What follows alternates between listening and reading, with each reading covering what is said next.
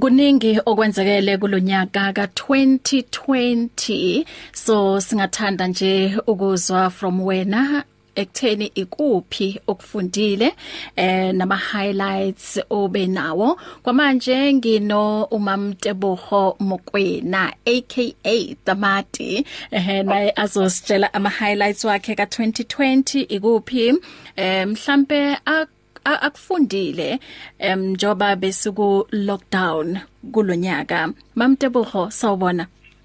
Sawubona eh sisibahle makoti kaJesu nabalaleli bonke umndeni wethu ku Radio Pulpit. Amen. Siyabonga ukuthi sibe nawe. Em uzosharela nje ukuthi unyaka wakho ka2020 ube unyaka onjani. Eh njoba ke uma silalela abanye bayakhala ukuthi yey izinto zihambanga ngendlela ebesiplane ngayo. So wena ukuphethe kanjani i lockdown nayo iye yakuphatha kanjani?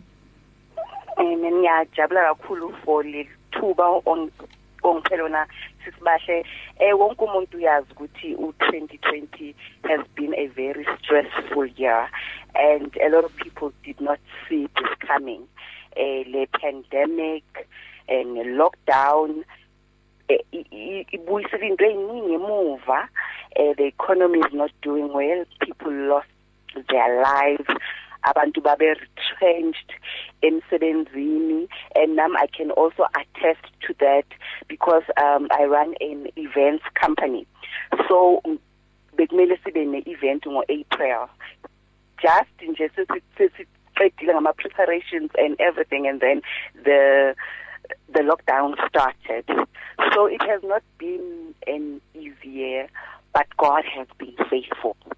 uNkulunkulu uthembekile kakhulu uzibonakalisile empilweni nami especially in terms of provision. Uh, he provided supernaturally that event did not take place. Mm -hmm. however he made sure that everything was paid for in full because we had already booked speakers um, musicians venue and everything else. So but supernaturally god came through and showed himself mighty and strong and provided for us. So he is a providing god and i would like to give all the honor and glory for him uthembekile. So um what he laid in my heart kulonyaka esikuwo there's still a lot of stress. People are stressed. Uh, there's a lot of uncertainty nokuthi next year ngo2021 kuzokwenzakalani. People have lost hope. Sisibahle people are depressed. Eh ngempela what the lord has put in my heart ukuthi mm. in this season of uncertainty and turmoil and fear and lokho konke lokho kwenzakalayo mm. this is the time singabantu that we abide in him mm. and that word of encouragement we find it in the book of John verse verse 15 uthi eh I am the true vine which wow. is mm. you are the branches mm. whoever abides in me wow. and I in him he bears much fruit mm. for apart from me you can do nothing. nothing so in this season we need Christ more than anything else. So this is a season of proximity. Mm. ababalaleli if mlaleli you have never been intimate with God this is the season for it. We need him now more than we've needed him before.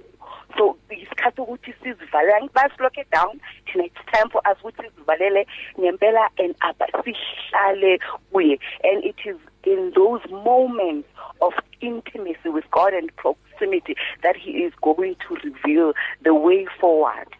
And i also want to uh, uh, let people know isithandwa zezulu ukuthi it's not the end. Yeah. Uh, god has a plan. Mm. uh, this is just a fulfillment of prophecy prophecy. Mm. in uh, in fact uMatthew 24 uyasho ukuthi lezi zinto kumele zenzeke. It's not the end yet. It's the beginning of sorrows so uh, i believe i'm not a prophet of doom or um a bearer of bad news but i believe it's not going to be easy. Kulonyaka ozayo however uma sihlala kuJehova like uJohn 15 esho abide we will be able to bear fruit. And ama fruit afunekayo manje are the fruits of the holy spirit. And ngiyazi abalaleli bayawazi wonke ama fruits of the uh, spirit abo perseverance endurance love kindness goodness yinto ekumele manje as the body of Christ and singabantu sizibonise. Sikwazi ukusizana where you see there's a lack kumakhelwane reach out and help. Where you see ukuthi um khona sesibedlela nyazi abavumi send a, a message of encouragement pray for them.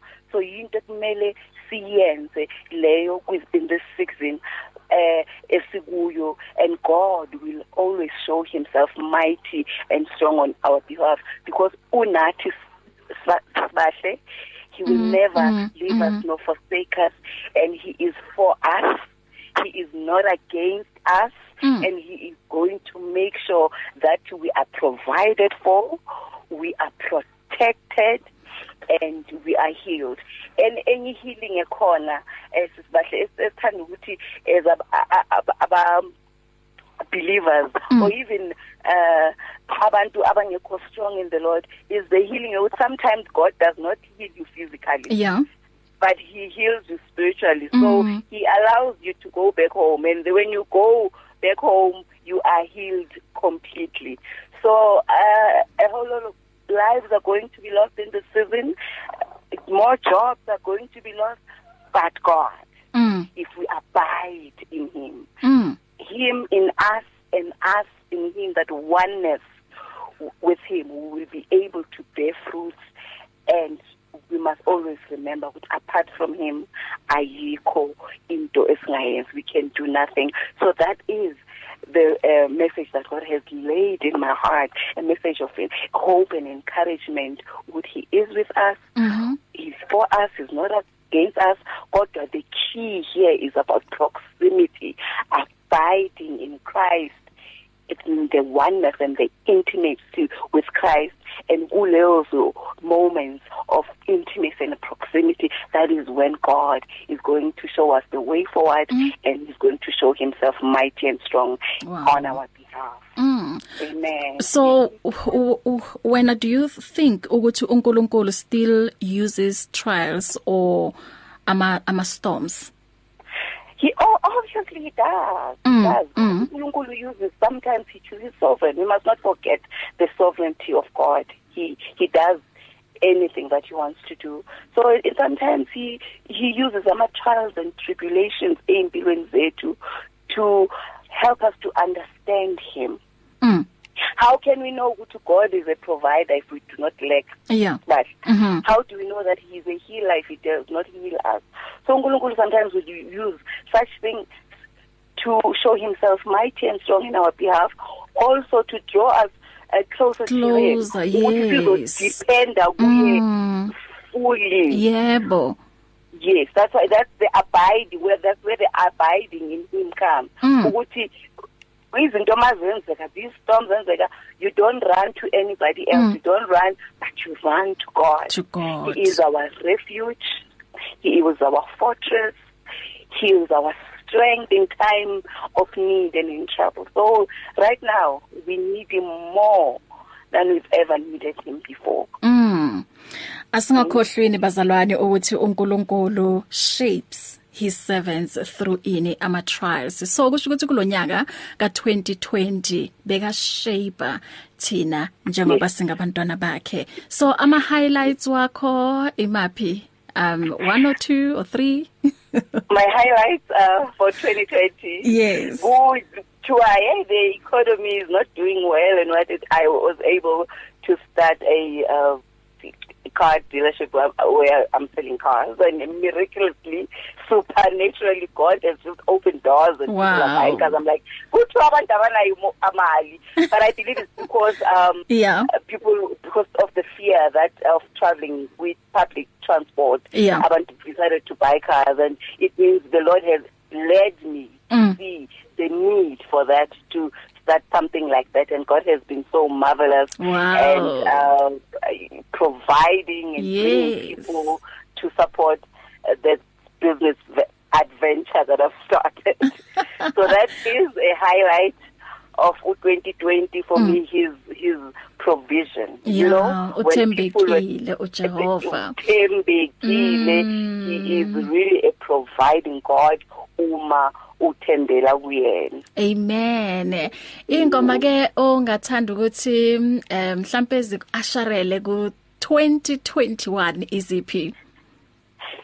Eh Marvin Sapp mhm. Never would have made it. Wow. Why the song? it. because it ministers to me in a special way sisibahle that song reminds me all the time ukuthi apart from God we can do mm, nothing. Mm, mm. Him we move and live and have our being. So we, we, we wouldn't have made it thina siyaphila namhlanje siyaxoxa la ku radio pulpit ukuthi u decide ukuthi asigcine kuze kube namhlanje. So we wouldn't have made it without him. So that's why I, I'm choosing that song. Enye futhi bantu I have to ngeke ngihlale ngakhethi bantu. Ekababa umkhweli I knew ukuthi that one is coming. oh, I'm sorry that one is my sweetheart But you know what? I'm going to twist these things to Bahle. You choose a song that you like ke baba umkweni ufuna ukuthi abalaleli bayidlale. Ah mina yazi ngithi akahambe nathi. Ngithi akahambe nathi. Hallelujah. Akahambe nathi uJehova siyazi ukuthi um uhambe nathi kodwa yebo kodwa sisacela ukuthi akaqhubeke nje ahambe nathi uyazi ukuthi ziba khona izikhathi lapho thina kuba yithina esilahlekayo endleleni bese ke asamboni. So sisakhuleka sithi baba hamba nathi singalahlekelwa yiwena uwena endleleni and usihole ngaso sonke isikhathi. Mina so amen amen. iyona engiyithandayo le. ebe lawo nami ngiyayithanda futhi ahambe nathi simakade angene nathi futhi ku 2021 agcine zizoba khona izinto kodwa siyazi ukuthi sizabe sinaye ngoba emkhulu onakithi ongakithi nakulo sezweni amen. Simile kuye futhi akukho uzosinyakazisa Amen. Amen. Thank you so much ngomyalezo omuhle and uh, siyabonga ekutheni ube ngumngani wethu ube ngumsizi. Eh ngaso sonke isikhathi nje uma ngithi tamati woza woza sikhulume uavailable. So siyabonga kakhulu ngaloko god bless you. nazo ke ingoma zakho ezo ezo asharela ku 2021 amen. It's here. Radio Pulpit's new website is live. You can tune in at radiopulpit.co.za and enjoy crystal clear sound with just a click of a button or listen to our podcasts. Discover biblical truths in our daily devotionals and let our stories of hope inspire you. You can download our app on this new look easy to use platform. Find your favorite program, get to know our presenters and so much more at radiopulpit.co.za. Radio Pulpit, your daily companion.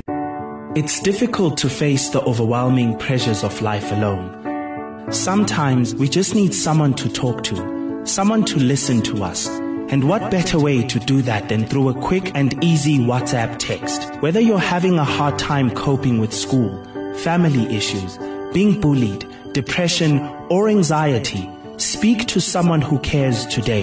Send a WhatsApp message to 064 530 6805 or 074 995 9085. Our I Am Youth Counseling team, Charles Dudoy and Danny Vambili, are ready to connect with you today. Hear the word and renew your life on 657 AM.